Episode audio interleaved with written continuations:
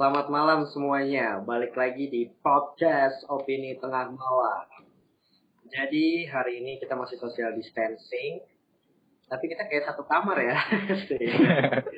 Sebelahan nih gue. Gila. kita beda rumah. Kita belum ketemu lagi gitu. Dan hari ini kita akan ngebahas tentang konspirasi tapi film juga. Ada filmnya kebetulan. Jadi kalian bisa tonton. Ini akan seru banget. Jadi ada tiga orang Asik. Pas banget sih kita bertiga nih. Oh iya. Kabur dari penjara Alcatraz. Bayangin Hmm. penjara Alcatraz. Yang emang terkenal tuh penjara super ketat gitu sih. Jadi pakai kacamata konspirasinya biar open minded balik lagi di diskusi podcast opini tengah malam.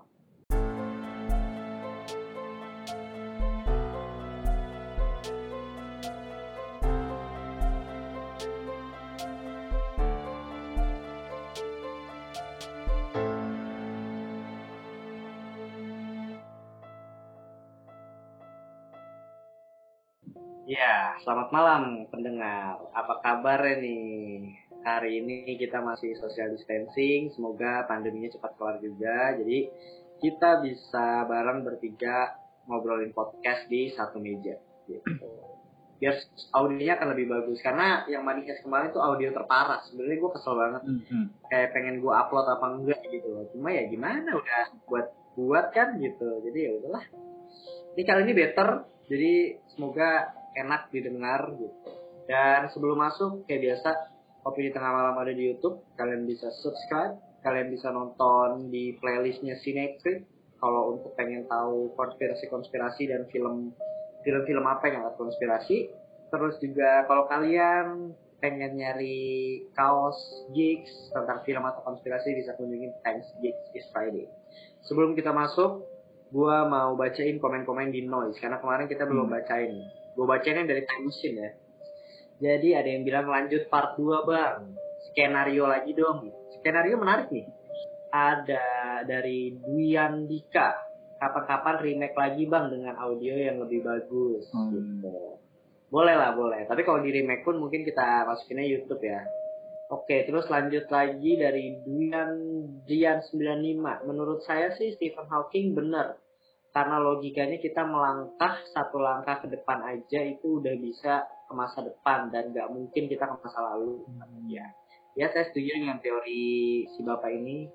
Nih yang gue suka nih, aneh lo bang. Siapa ini? Siapa nih? Lawanya BAB Dobe. Oh. Ada yang bilang, siapa itu Red? Lu? Enggak. Enggak. Tapi soalnya di noise ini namanya bisa diubah sesuka hati.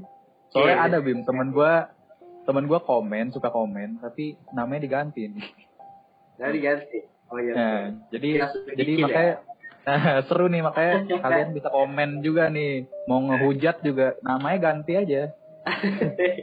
boleh boleh dan ada dari Ilham Pangestu Bang bikin podcast tentang Bob Lazar area 51 Iya nih kita lagi belum apa ya belum ada respon dari kalian juga nih. Kayaknya karena kemarin film kan jadi Hmm. nggak terlalu didengerin komennya belum kebaca. Terus ada lagi nih untuk dari time traveler ada dari Yan Yantov eh Yan Yotaf 97 oh ini panjang nih ya kita bacain nih kalau Hmm. panjang-panjang komen aku semoga dibaca ya bang. Ya, ini dibaca. Mau nambahin time travel ke masa lalu atau masa depan menurut aku nggak bisa kita yang udah visual gini time travel ke masa lalu mengubah sesuatu nggak akan bisa. Tapi bakalan membuat dunia paralel baru. Jadi Hmm. misalnya aku nikah sama si A dan aku punya anak B si B udah lahir nah aku mau ke masa lalu buat ketemu diriku sendiri bilang agar nggak nikah sama si A supaya si B nggak lahir. Tapi waktu aku balik ke masa depan anakku alias si B nggak hilang. Gitu ya si B intinya nggak hilang tapi uh, di para di universe lain jadi lu akan nimbulin satu universe lain gitu kan. Kata dia sih gitu ya benar. Hmm. Uh, ya masuk akal aja sih Iya, secara teori gitu. Terus kata dia soalnya menurut aku nggak bisa bang sesuatu yang udah tercipta hilang gitu aja. Ya bener sih kayak lu tiba-tiba orangnya hilang gitu kan nggak mungkin gitu. Tapi itu semua masih sebatas teori dan bebas sih teori kalian apa aja terakhir dari Ganggun Gun 06 bang kapan upload lagi? Gue nunggu katanya. Ya ini kita lagi rekaman upload lagi hari Kamis. Setiap hari Kamis kita pasti YouTube kita setiap Senin sama Kamis. Oke. Nah sebelum masuk gue mau ngasih tahu lagi nih. Gimana tawarannya? Kalau seandainya opini tengah malam ini buka satu platform entah Telegram atau Discord untuk kalian diskusi sama kita gitu. Jadi kalian bisa join, bisa DM kita, diskusi tentang film, konspirasi gitu. Mungkin setiap malam Jumat jam 9 sampai jam 10 kayak gitu sejam kita bisa by chat gitu dan lain-lain. Kalau seandainya oke, gue bisa buat platformnya, kalian bisa join gitu. Tapi ya balik lagi nunggu respon kalian gitu dan kayaknya Bob Lazar kemungkinan besar ya sama komen dari kalian juga kira-kira buat nggak nih gue pelajar kalau emang buat minggu depan kita akan mulai tayang episode 1 tapi gue sendiri pun belum research juga sih panjang Ini aja. khusus buat konten bulan puasa sih kita pengen iya, bikin ya. bulan Ramadan gitu Iya. iya pokoknya nanti ada azan maghrib lah Asik, mantap juga tuh Bo, tuh ya anjir. Jadi pas dengerin jadi inget ya. iya Anjay. Iya, ya. Lagi juga tuh. Boleh tuh. Oke, uh, langsung kita masuk aja ya. Balik lagi bareng gua Bimo Konspirator. gue ya, gue ya. Oh iya, gue Iya, si Pedrian Labil. Dan gua Faris Realistis. Tapi kali ini Oh, gue oke. yakin nih, Bim. Gue yakin. Lihat. Jadi ini ada filmnya tahun 1979 yang disutradarain sama Don Siegel dan pemerannya ini terkenal Clint Eastwood. Judulnya itu Escape from Alcatraz. Jadi gue kasih dulu nih sinopsisnya. Jadi pada Juni 1962, tiga orang narapidana berhasil kabur dari penjara dengan keamanan super ketat, yaitu Alcatraz, sebuah pulau di San Francisco Bay. Tiga nara- narapidana tersebut bernama Frank Morris dan saudara kembar John dan Clarence Anglin. Anjing pas ya, tiga orang loh, Bet. Gue sama Faris saudara. Oh iya ya, aja. Kayaknya lu Frank Morris nih, Bet. iya bener juga, bro. Iya, tapi nggak cocok kan Frank Morrisnya pintar dah. Males ah. Lanjut lagi deh ya. Ternyata nggak cuma bertiga, Pak. Ada narapidana keempat sebenarnya. Narapidana keempat ini yang nggak berhasil melarikan diri. Namanya adalah Alan West. Pelarian ini memiliki rencana yang sangat rumit hingga membuat boneka untuk mengkelabui para petugasnya. Jadi dia membuat kayak manekin nih boneka untuk melabuin petugasnya gitu kan maksud gue seniat itu nih. Pada tahun 1979, FBI resmi menutup kasus penyelidikan dan menyimpulkan bahwa tiga orang tersebut mati tenggelam. Namun mayatnya nggak pernah ditemuin. Jadi sampai sekarang jadi pertanyaan besar apakah mereka hidup ataukah mereka mati gitu. Mungkin kalian akan berpikir kayak ya mati lah atau ya hidup lah gitu. Jadi nanti kita akan kasih tahu nih Alcatraz itu penjaranya kayak gimana, seketat apa sih, Se- semungkin apa mereka bisa lolos dan seenggak mungkin apa mereka nggak bisa lolos gitu. Jadi kita masuk ke filmnya dulu karena filmnya based on true story baru kita konspirasinya. Gimana? Paris udah nonton? Sudah. Bagus sih, Benar-benar keren. benar-benar menggam- menggambarkan kisah nyatanya juga ya. Iya meskipun ini sih ada yang namanya diubah ya. Gue bingung juga kenapa namanya diubah. Siapa tuh? Yang Alan West kan. Jadi Charlie Butts. Oh. Oh iya, oh iya iya iya. Gue nggak tahu tuh kenapa diubah ya. Apa mungkin dianya yang nggak mau kali ya? Si Alan West bisa jadi Nggak kan soalnya Alan West yang masih di situ kan yang masih hidup. Hmm. Mungkin, yang masih hidup ya. mungkin pas ditanya dia nggak mau kali namanya. Cuma emang ini salah satu apa ya uh, escape plan yang menurut gue sangat sangat sangat pintar banget gitu loh. Jadi ya dia melarikan diri sebenarnya tuh gue kasih garis besarnya ya cuma gunain sendok aja gitu, menggali gitu. Alcatraz digali pakai sendok gitu. Sepintar itu kan. Tapi gue Nah. jadi ini dah. eh, Apa? apa Fred nyadar Prison Break ngambil banyak referensi dari situ juga anjir Iya iya, iya anjir gue juga terus. Pas awal-awal ya, yang satu Hmm. jaga, satu ini. Oh itu series ya, series Prison Ah. Break ya. Ya iyalah karena ini salah satu apa ya kabur dari penjara tuh nih pasti udah jadi salah satu kasus yang benar-benar gede gitu udah pasti keluar si Alcatraz ini. Gitu. Oke, jadi langsung masuk lagi nih. Ternyata tuh di Alcatraz itu pernah orang mencoba melarikan diri 36 narapidana. Tapi beda-beda ya, beda-beda tahun gitu. Hmm. Jadi ada 36 narapidana, 23 ditangkap kembali, 6 ditembak, 2 tenggelam, 14 baru mau nyoba lari tapi nggak jadi. 14 narapidana baru mau rencana aja tapi nggak jadi. Takut dia. Dan 5 itu utang. Dalam arti Hmm. berhasil atau enggaknya nggak tahu. Tiga di antaranya Frank Morris sama saudara kembarnya tadi, John sama si Clarence itu. Dua adalah Theodore Cole dan Ralph Rowe yang diduga hilang tenggelam juga. Gitu. Jadi itu penjara Alcatraz itu salah satu penjara yang di pulau. Dia di, eh, satu pulau sendiri dan dan emang sulit untuk narapidana kabur gitu loh. Mirip Di tahun Shutter Island ya? gitu. Iya sih? Shutter Iya, Island tuh penjara iya, bukan sih? Bukan. Iya itu penjara, penjara tapi untuk ini orang orang gila. Iya. Rumah Penjara penjara. kayak Tapi asylum. Iya bener banget. Nah langsung Fred, gimana menurut lu tanggapan lu atau apa pun dari Frank Morris ini? Dari keseluruhan kasus sekali ya. Iya Sebenarnya kasus. Dari keseluruhan kasus ini gue mantep sih dia. Bisa kayak gue baca caranya gitu. Terus kayak sabar dari sendok. Terus pas gue baca juga lautnya arusnya arusnya kayak apa sih dingin gitu. Terus arusnya tuh dia kayak liar gitu loh kalau gue baca liar wild wild gitu deh. liar aja gitu dah. Kalau Faris gimana nih? Keren sih maksudnya. Itu kan salah satu penjara yang di di gadang-gadang tuh nggak ada yang bisa keluar dah.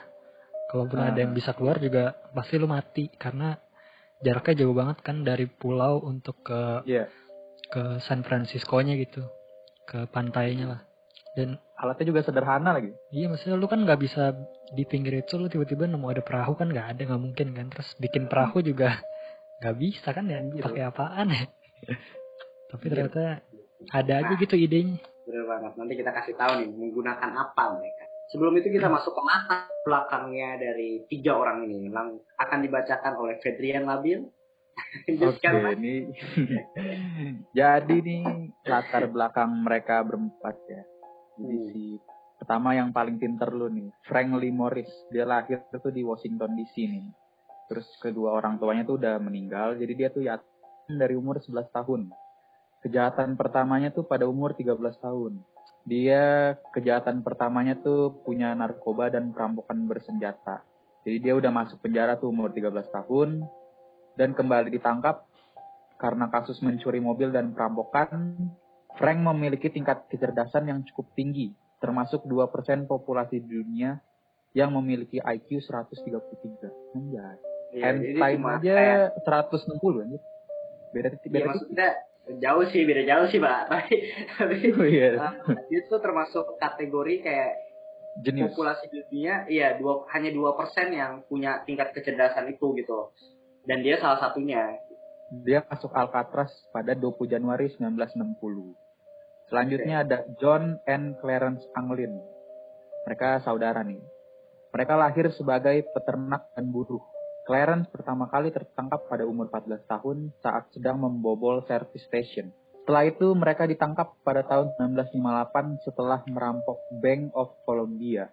Mereka merampok bank dengan menggunakan pistol mainan. Gak modal anjing. pistolnya yang bunyi Keduanya dihukum. bunyi fire Hah, fire kenapa? Cucu, yang bunyi.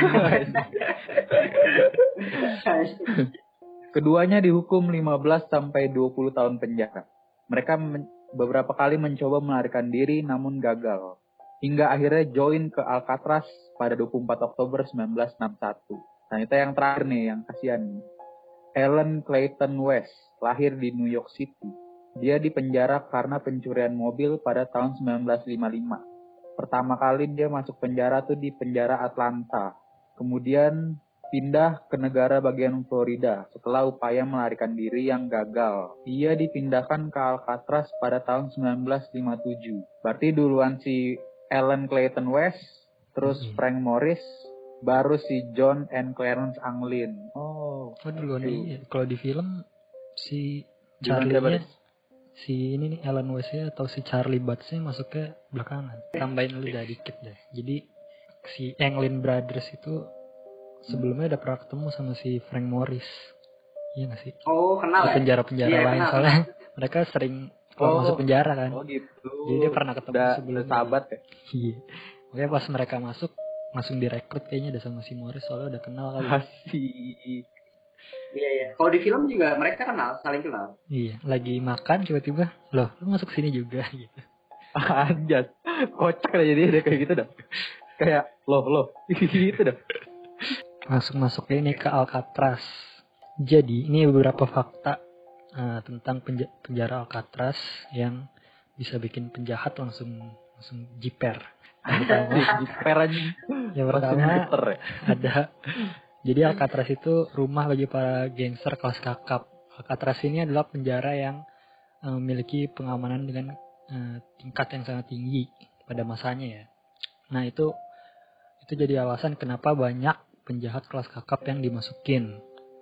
Eh, antaranya itu ada eh, gangster terkenal El Capone dan banyak juga eh, gangster-gangster atau kriminal yang dianggap sudah melakukan kejahatan yang cukup parah lah Hmm. biar dipastikan nggak keluar-keluar lagi gitu. Yang kedua, ada banyak penjahat yang bunuh diri. Jadi di Alcatraz selama 29 tahun mereka beroperasi nggak pernah sekalipun melakukan eksekusi ke narapidananya.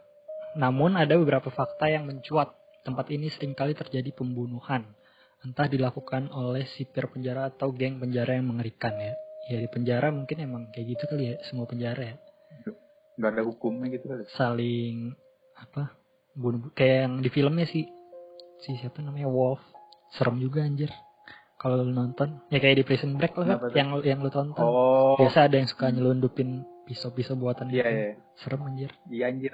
terus yang ketiga Alcatraz ini punya ruang bawah tanah yang mengerikan Hmm. Al- Alcatraz punya empat blok yang berbeda blok B dan C biasanya digunakan untuk memenjarakan narapidana kelas 3 Sedangkan blok A dan D digunakan untuk memenjarakan narapidana yang selalu memberontak dan banyak sekali membuat masalah di dalam penjara. Nah, di bawah blok A itu ada sebuah ruangan yang luas dan sering disebut dengan Spanish Dungeon. Tempat ini jarang sekali dipakai karena gelap dan sangat pengap. Beberapa narapidana percaya jika tempat ini digunakan untuk eksekusi mati para narapidana dan jenazahnya langsung dibuang ke laut lepas. Zona ini juga kerap digunakan untuk kabur, meski akhirnya banyak yang tertangkap. Tapi mungkin untuk ngasih gambar yang lebih jelas, ya ntar kita kasih gambar sih kalau yang di YouTube, cuma kalau yang di podcast. Jadi Alcatraz itu pulau, nah isinya cuma penjara itu doang gitu. Dan untuk dipisahin oleh laut yang mungkin kalau kita berenang bisa sekitar 4 sampai 5 mil untuk untuk ke ke kota lah. 4 Daratan. satu mil tuh 1,3 km kalian hitung sendiri dah. Hmm. Nah di pun di, di- jadi ada pulau Alcatraz, di sebelahnya ada pulau Angel, setahu gue dah. Itu pulau kosong. nah, Nah, itu juga langsung kalau- laut kan ya? Iya, tahu, tahu. dikelilingi laut. Dan Iya. dan dan itu kalau lu berenang lu butuh waktu berapa jam untuk mencapai daratan itu gitu. Iya. Hmm. Jadi Jadi emang apa uh, orang-orang penjaranya juga ya lu berbuat suka lo lah lu nggak bakal bisa kabur jadi mindsetnya mungkin udah kayak gitu semua kali ya Pokoknya iya, nyaris iya. impossible lah ya. Nggak mungkin Iya. berenang lah ya. Nggak mungkin bisa berenang. ya. berenang lu pasti mati gitu Udah gitu dingin, dingin. iya dingin karena suhunya tuh setahu gua apa ya? Tubuh manusia itu nggak kuat lama-lama di sana gitu. terus selanjutnya ada Alcatraz ditutup dengan keputusan Jaksa Agung Amerika Robert F Kennedy tempat tahanan ini akhirnya ditutup untuk selama-lamanya pada 21 Maret 1963 penjara ini ditutup karena biaya operasinya yang jauh lebih mahal daripada penjara-penjara yang lain dan teluk ini mengalami polusi karena sampah dari sekitar 250 tahanan. Iya, jadi tempat wisata sih tapi itu penjaranya. Iya, jadi tempat wisata. Kemarin gua lempar di Twitter juga ada apa ya? Ada uh, pendengar lah opini tengah malam yang komen dia udah ke sana gitu dan dia ngomong Wih. sih ngasih statement kalau apa ya uh, penjara Alcatraz tuh nggak se meng- mengerikan itu gitu dan jarak antara pulau ke ininya deket kata dia gitu cuma gue nggak tahu juga sih gitu. kapal kan mungkin dia. deketnya dia ya mungkin karena dia naik Menge- gitu ya. mengerikan mengerikannya apa maksudnya tuh Bim? Mengerikan mencekam atau serem atau gimana tuh? yang dia bilang susah kabur dan lain-lain gitu. Maksudnya Hmm. intinya dia mendukung kayak ya bisa aja gitu loh. Gimana menurut kalian nih?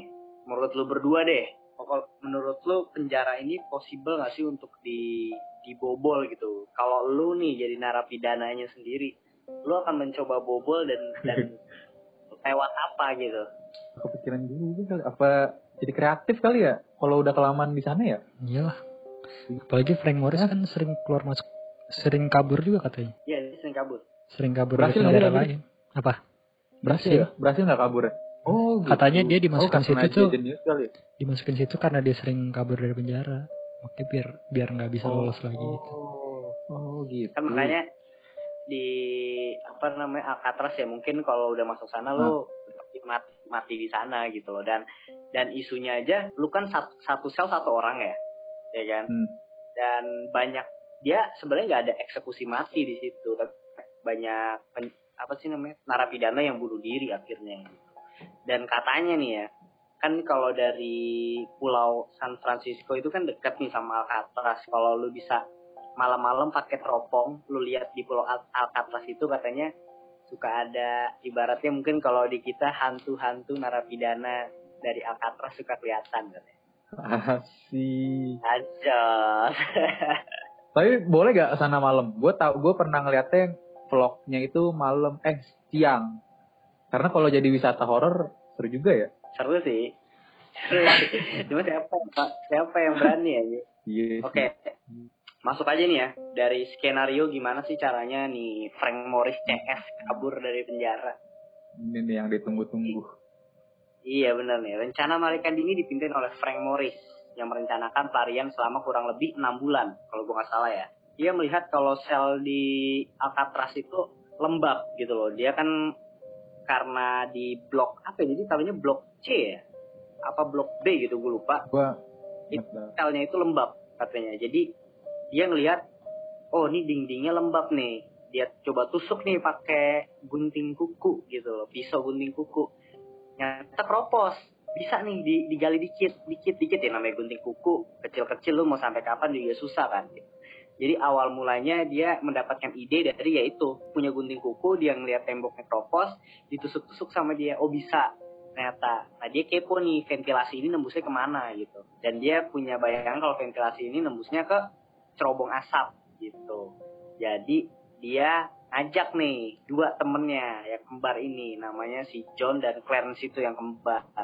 Sama satu lah Alan West gitu. Mereka buat eh, rencana akhirnya dia gunain sendok sendok makan. Sendok makan dari pantry. Nah, itu diambil digabungin tuh sama gunting kukunya sendoknya juga diruncingin jadi digali pakai sendok. Jadi yang satu gali yang satu di sel sebelahnya tuh merhatiin penjaganya. Hmm. kalau seandainya lewat siul gitu loh, tergantian dan lain-lain gitu. akhirnya dia eh, kan pasti bolong nih. Kalau bolong kan ada serpi-serpihannya gitu. Pasti bisa ketahuan dong apalagi kalau lagi sel check up gitu loh kayak selnya tiba-tiba diperiksa gitu. Jadi dia buat deh bisa dibilang ya kayak replika replika ventilasinya gitu loh.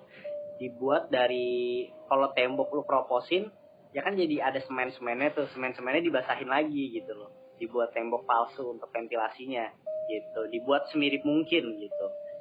Dan dia juga minta jadi kalau di penjara itu kan ada ada yang suka keliling bawa majalah.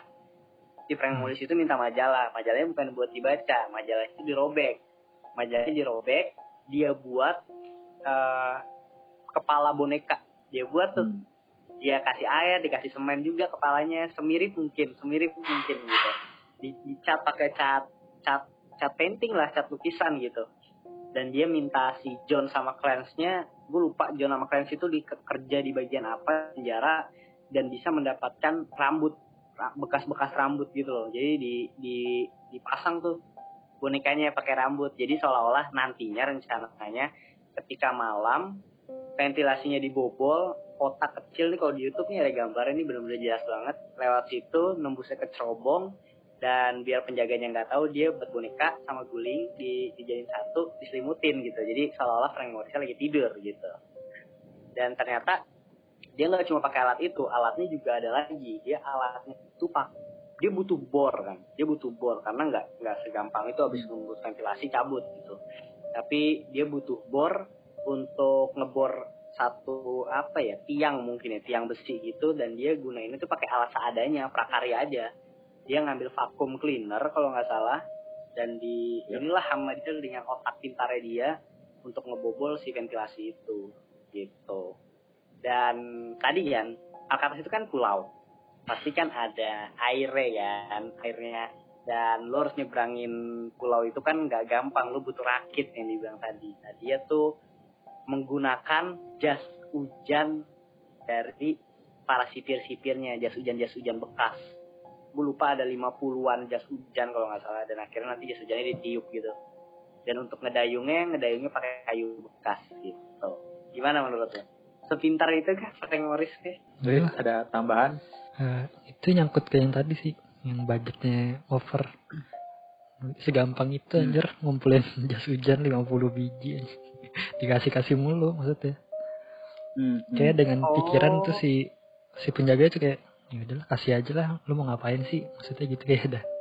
Lu nggak bakal bisa keluar juga dari sini kayak gitu ya. Udah udah udah songong duluan gitu. Maksudnya dia tuh tahu eh, dia harus punya start duluan gitu loh. Dengan adanya si kepala itu. Kalau misalnya lu di penjara biasa yang nggak dikelilingin air eh, lu bisa habis keluar langsung lari gitu. Kalau ini kan lu harus berenang dulu kan. Jadi dia harus harus ada head startnya gitu loh. Biar di diketahuannya pas pagi-pagi nggak malam itu juga. Keren sih mikirnya sampai situ. Dan dia juga udah enam bulan sih matang banget lah gitu. Dan ya tapi kita kan nggak tahu kan dia hidup apa enggak kan. Kalau menurut pendengar gimana nih hidup apa enggak gitu. Oke langsung masuk nih ke teori-teori gila lu pada gimana Tapi, dulu nih, tar dulu. apa? Gua gua nonton dokumentari ya nih sebenarnya Bib. Di Oke, dokumen ceritain. di dokumenter ini lu dibahas abis nih dia soalnya pakai teknologi nih. Dia pakai teknologi gua nggak tahu namanya. Tapi dia kayak bisa memprediksi arus gitu. Terus kata Hmm. dia kalau dia bisa memprediksi arus, dia bisa melihat arus pada tahun segitu nih. Jadi kan katanya si siapa tuh si Frank Morris CS inilah ya. Mereka katanya kaburnya kan ke mana nih? Ke Angel Island ya Mm-mm. katanya Pulau Angel ini. Padahal menurut mereka tuh itu mustahil, susah. Karena harusnya berlawanan prediksi arus, iya arusnya berlawanan. Dia gue lupa, pokoknya ada arus pasang surut. Jadi kalau dia mau cabut dari Alcatraz, Alcatraz itu, dia bisa, tapi ke Horseshoe Bay. Mm. Itu di di bawahnya Golden Gate Golden Bridge apa? Golden State Gate ya? Bridge Oh iya Golden State. Golden State mah tim basket. ya pokoknya gitu. Jadi ada kemungkinan mereka bisa cabut dari Alcatraz kalau mengikuti arus itu ke Horseshoe Bay. Tapi tetap ada kendalanya. Karena kan yang buat yang diceritain ya, mereka bertiga. Mm. Berarti dua orang tuh niup tuh. Ada Iya. diceritain di situ dia niup niup perahunya biar terus terisi angin Iya. jadi satu ngedayung. Jadi tetap ada arus dari yang mau ke laut ya. Itu diibaratkan sama dia tuh kayak jalan tol. Jadi arusnya tuh kenceng. Tapi cuma 100 meter. Kalau dia Hmm. bisa ngelewatin itu. Tapi itu sekitar udah 95%. Katanya begitu. Nah, Hmm. tapi dikasih tahu dulu Tuh, si ininya Alan Westnya kan Apa? harusnya mereka berempat oh iya Alan West. Jadi sebenarnya mungkin dipimpin sama Frank Morris. Mm. Tapi katanya sih yang otaknya itu yang punya mastermindnya plan itu sih Alan West. Jadi gua sedikit pas ngeliat kayak anjing kasihan anjir kayak gak jadi diajak. Terus faktanya tuh dia pokoknya itu lobangnya dia tuh kan tadi lu bilang kan dia jadi semen lagi ya di kayak di Nah, nyaru ya. Itu dilakuin sama si Alan West tapi gue nggak tahu kenapa pokoknya jadi keras dah jadi dia nggak Oh. bisa ngebukanya lagi Heeh. jadi dia tuh ditinggal Iya. jadi akhirnya dia dia sempat ke atas bim tapi cuma ngeliat sunrise doang terus udah masuk lagi terus tidur anjing gue ngeliat kayak Sama kayak di film. waduh kasih Tapi Oh, kalau sama di, ya? kalau di filmnya aneh juga sih. Si karakter Kenapa? si Charlie Butts ini bukan bukan karena dia nggak bisa buka, karena dia takut kayaknya deh. Oh. Kayak ragu gitu dia ragu. Nangis dulu dia di di selnya. Terus sampai Hmm. akhirnya dia baru akhir-akhirnya baru dia nyoba ke atas tapi udah ditinggal. Dia loncat-loncat sendiri nggak nyampe-nyampe tapi akhirnya balik lagi. Kasihan deh Oh, pas gitu. pas penjaga yang ngecek dia udah berdiri gini Wet. di sel kayak sedih gitu aja. oh ya Anjir, Anjir, ya pokoknya gitu dah Gue baru tahu nih kalau ini Akhirnya- Alan West.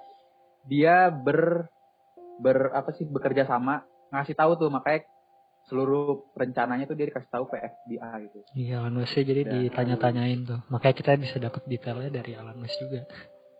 Hmm. Thank you Alan West. Kayaknya emang berguna banget sih dia. Terus- Lalu ya. Dalam dokumenter ini sebenarnya banyak fakta nih. Gue kayak anjir nih orang makanya gue kagum sih makanya mereka pada kayaknya sih Frank Morris kali ya yang pintar ya. Mantep. Iya. Jadi gue dapat faktanya nih gue coba ya. Mungkin Faris tahu nih atau mau nambahin ntar. Jadi da- eh, dalam dokumenter ini tuh dia ke kepolisian nih gitu Bin. Dia ngelihat bukti-bukti apa yang didapat. Ada masih ada sampai sekarang loh, masih ada kayak Boneka. sendoknya, iya sendoknya masih Oh ada. iya, gue tahu itu. Heeh, ada ada bornya masih ada, masih ada semua. Jadi ditemuin tuh ada 80 homemade tools. Jadi tuh mereka buat 80 80 tools gitu loh Oh. Gila ya. buat ngedukung pelarian ini. Terus ada beberapa item dibuat tuh dalam hitungan bulan. Jadi mereka ya benar tadi kata lu. Mereka tuh sabar kayak 6 bulan tuh dia buat serapi mungkin lah.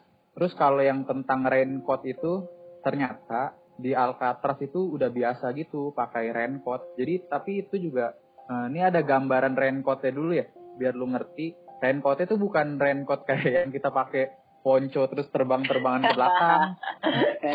Sekali pakai nggak? yang yang dulu kita ngumpet masih kecil ya. Iya. bukan. Jadi ini rain raincoatnya tuh dia seperti jas. Tahu nggak sih lu jas orang zaman dulu Tahu tahu. yang panjang ke Ah. bawah.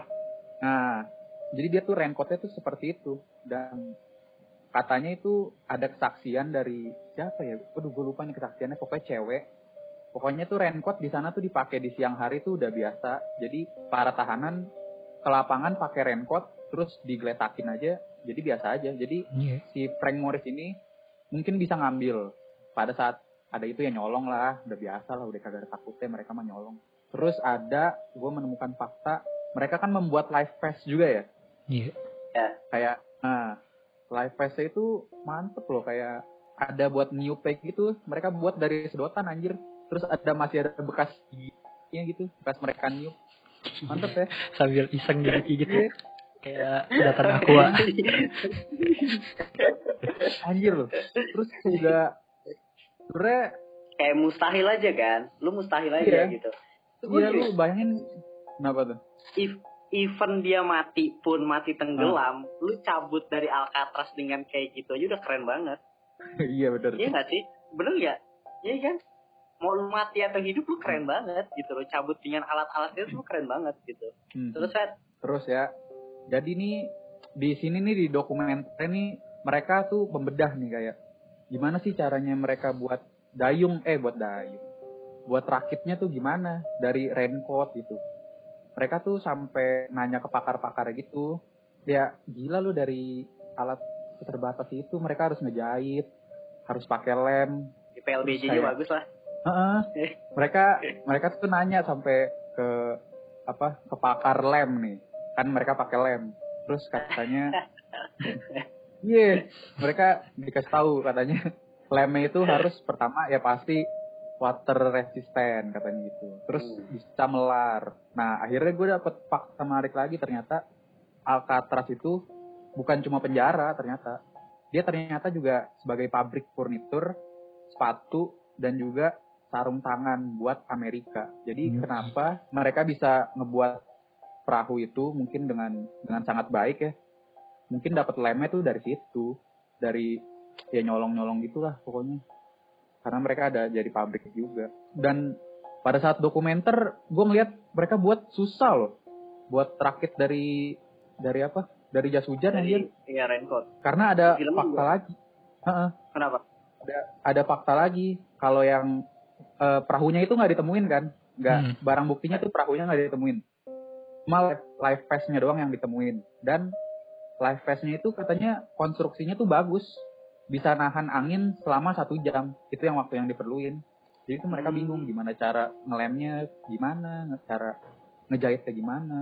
Terus juga ada lagi eh, tentang yang tahu nggak sih yang dia nutupin yang dia kerja ya? Kayak volunteer ngecat Hmm.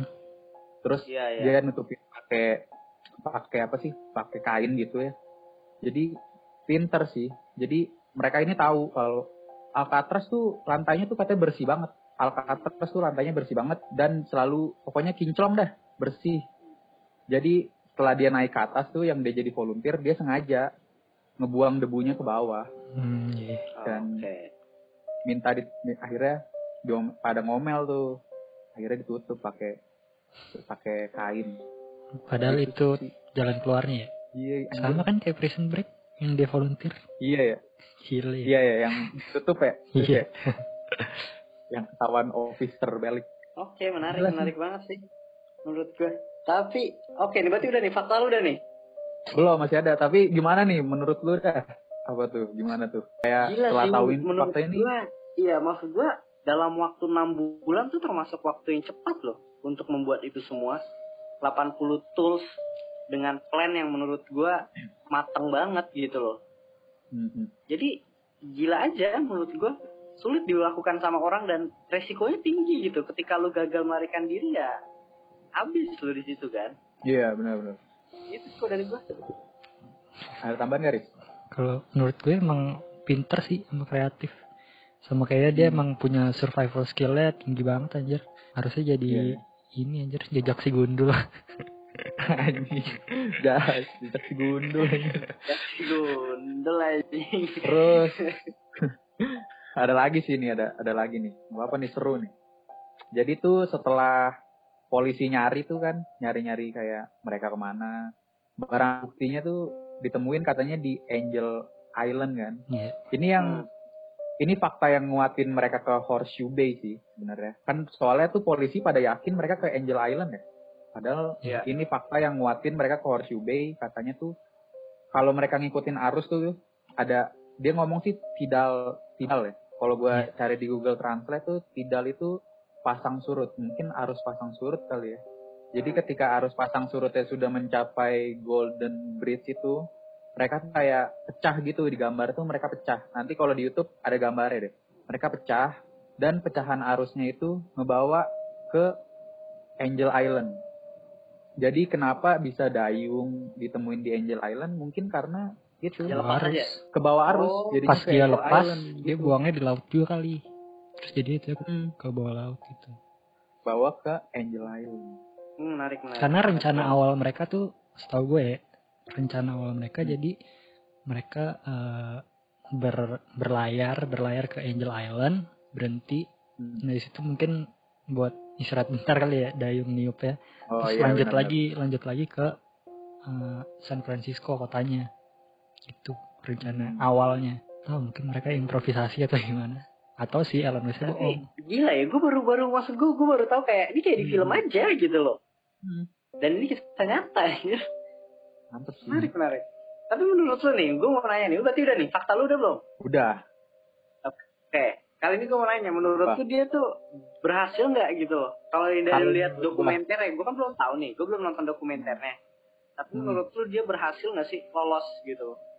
Apa menurut gua? Menurut gua sih Nah, berhasil ya. Tapi karena eh, dia kan di dokumenter ini kan dia kan melakukan percobaannya lagi ya Bim ya. Bener-bener kayak di samping tuh. Mereka melakukannya tuh sebenarnya gagal. Tapi 95% mereka berhasil. Kalau nggak salah tuh mereka gagal pada tinggal berapa meter lagi ya. Kalau nggak salah 50 meter lagi dah Bim. Itu pas ngelewatin arus yang gue bilang kayak jalan tol itu. Yang arusnya kenceng banget. Terus Oke. juga kan tapi kan situasinya beda ya Iya. namanya udah seneng Kalau saintis kan buat apa sih eksperimen. Nah, kalau si Frank Hmm. ininya udah masalah hidup dan mati anjing. udah Udah- beda udah- beda beda adrenalin.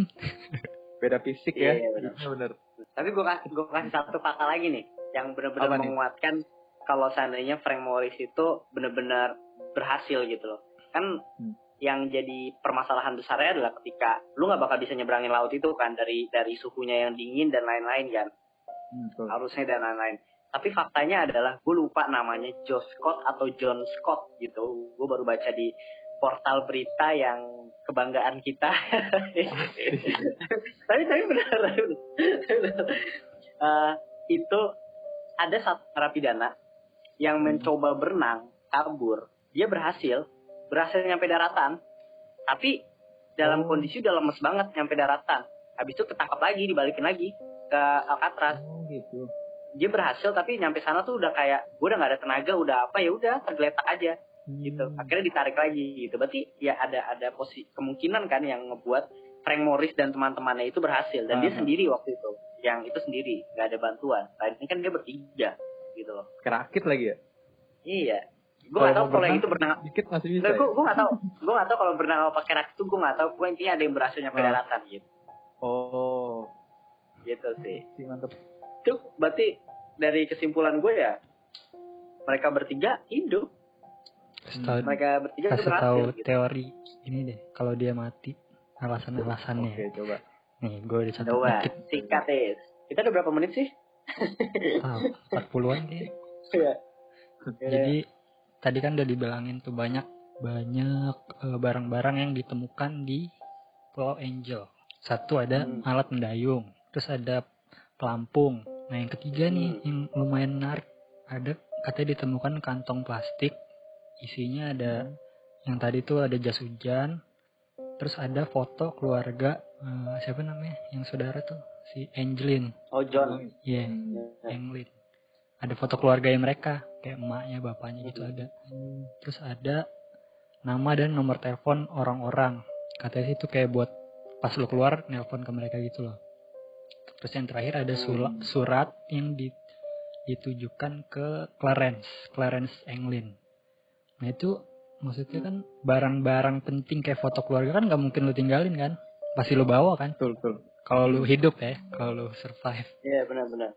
Nah itu ditemukan di kantong plastik yang eh, terdampar di Pulau Angel. Nah yang kedua mereka keluar dari situ kan nggak punya uang, otomatis mereka antara harus survive makannya sama ganti baju kan harus antara ngerampok sama nyuri, ya kan?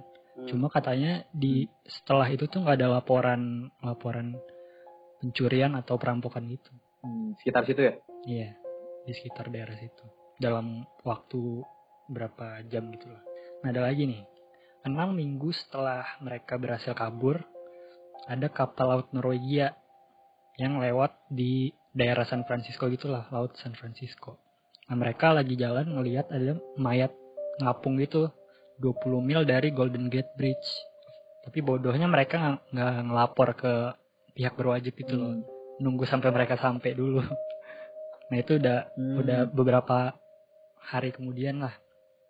Jadi mayat itu akhirnya nggak ditemuin atau udah ke mana. Hmm, oke, oke. Jadi eh, mungkin aja itu salah satu dari mereka gitu yang bisa memecahkan masalah itu. Tapi gara-gara si Norwegia kapal Norwegia itu ngelapor jadi hilang. Itu sih alasan-alasan menarik menarik. dia bisa mati. Bisa mati. Tapi ya gue sebenarnya itu masuk akal banget gitu. Apa mungkin sebenarnya dari bertiga yang hidup cuma sendiri atau berdua gue nggak tahu juga kan, gitu kan. Hmm. Dan kalau untuk itu tadi kalau yang mayat sulit dibantah sih, karena mayat udah enam minggu ya pasti mayat yang baru lah, baru orang baru cabut gitu. Tapi ya bisa kan. bisa aja orang lain juga sih.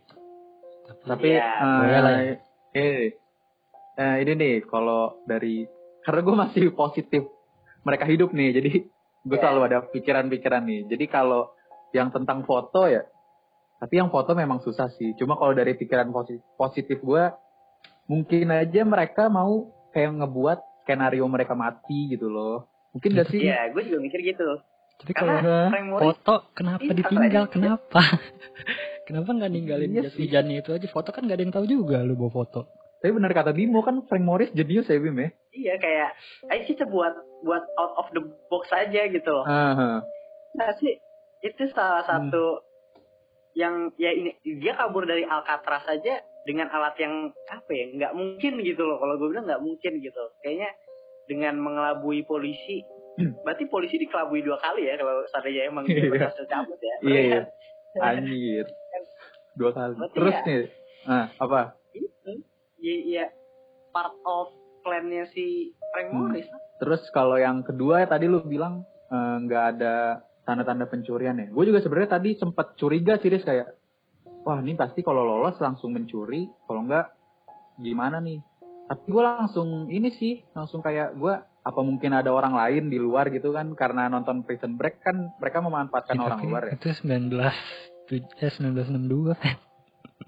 Iya sih, tapi gue langsung kayak kalau ada orang luar pasti ada visitor dong. Di Alcatraz boleh ada visitor apa kagak? Terus gue langsung nge-search sih, kayak boleh apa Boleh. enggak? Katanya boleh sebulan sekali, tapi asal disetujuin sama sipirnya. Jadi Hmm. mungkin ya masih ada orang pihak lain. Terus eh kalau yang bisa dong apa tuh? kan dia lu teleponan nih sama Iya. orang situ lu tuh didengar sama sipir ya Oh didengar. Percakapan lu Oh, didengar gitu. jadi sulit lah Hmm. untuk ngelibatin orang luar tuh sulit banget Kode mata kali kode mata. Masih ngeyel. Soalnya kode more, kode more. Iya. Terus kalau yang tiga gue juga sebenarnya tahu nih, tapi kalau dari masih positif gue ya, gue langsung gue inget kalau Golden Bridge itu tempat banyak orang bunuh diri loh. Mungkin gak kalau orang bunuh diri di Golden Bridge karena pas gue search juga bener itu Hmm. tempat banyak orang bunuh diri. Mungkin, Jadi possible. Itu Iya, atau mungkin hanya ma- mayat yang itu pendengar ma- bingung. apa? Ya tetap enggak lagi. enggak apa-apa gue kasih tau doang. Kita lanjut nih ya. Fakta gue lagi nih. Ya, nggak? ya fakta Hmm. menarik aja, tapi ini konspirasi, jadi konspirasi parah sih. Apa nih? Oke, jadi surat mengejutkan muncul nih pada tahun 2013, 2013 yang katanya dibuat sama John Anglin yang baru muncul ke pub- ke publik pada tahun 2018. Jadi tahun 2013 uh, mungkin di FBI 2018 baru dibuka. John ini menceritakan pengalamannya melarikan diri dari Alcatraz dan bersama dua narapidana lainnya, Clarence Anglin dan Frank Morris. Dia mengatakan bahwa dia dan dua napi lainnya berhasil mencapai daratan dan bertahan hidup. Anglin mengatakan bahwa Frank Morris meninggal pada tahun 2005 pada tahun 2005 dan dimakamkan di Alexandria dengan nama samaran lain. Sementara saudara John, Claire, Clarence Anglin, meninggal pada tahun 2011. Suratnya berisi begini. Nama saya John Anglin. Saya melarikan diri dari Alcatraz pada bulan Juni 1962 dengan saudara saya, Clarence dan Frank Morris. Saya berusia 83 tahun dalam kondisi yang buruk sekarang. Saya menderita kanker. Ya, kita semua berhasil malam itu, tetapi nyaris meninggal. Frank meninggal pada tahun 2005, dia bilang yang tadi, dimakamkan di Alexandria dengan nama lain. Saudaraku meninggal 2011. Jadi, eh, dia tuh pengen nih dengan pengakuannya gini, dengan kondisi yang yang dia sekarang udah kena kanker, dia pengen dirawat lah gitu loh. Gue nggak apa-apa masuk penjara lagi, yang penting Hmm. Gue dibiayain gitu gue dihidupin gitu karena dia udah nggak punya apa-apa lagi gitu. Isi suratnya kurang lebih gitu. Terus John diketahui menderita kanker dan sekarat tapi tidak memiliki banyak uang. Dan ya dia ngasih surat itu untuk ya minta jaminan lah gitu. Kayak udahlah gue di penjara lagi nggak apa-apa gue bocorin semuanya.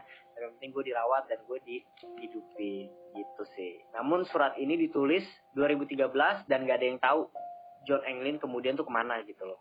Dan dalam sebuah pernyataan kepada CBS US Marshal menulis, dia ngomong gini nih US Marshalnya, sama sekali tidak ada alasan untuk percaya bahwa ada di antara para buron yang akan mengubah gaya hidup mereka dan menjadi warga yang benar-benar mematuhi hukum secara setelah melarikan diri.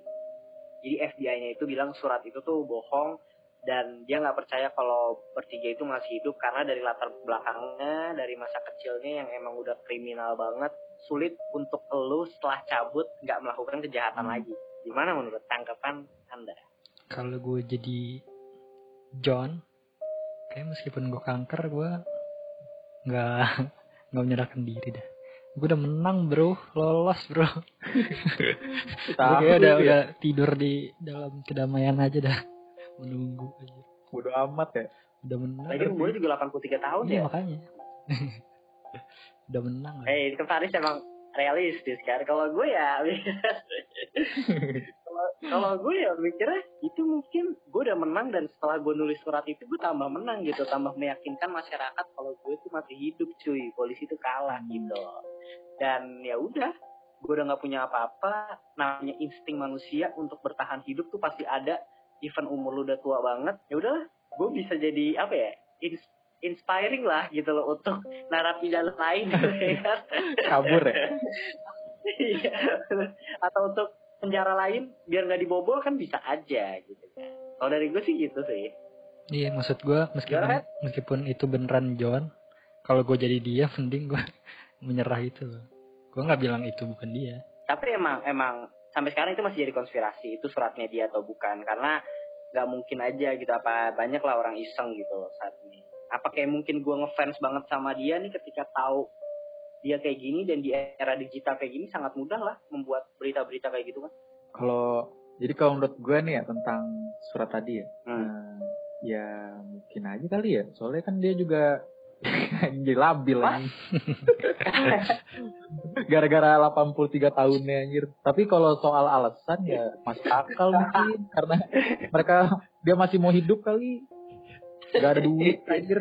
tapi Kita polisinya pasti di di di di di rumah mati aja lo gitu ya iya sih. balik lagi Tapi kemampuan apa anjir yang dia punya selain Ya. mencuri? iya kan nggak ada lagi pak Iya, dia dapat duit dari mana? nih? Tapi kalau 83 tahunnya bener juga kata Faris.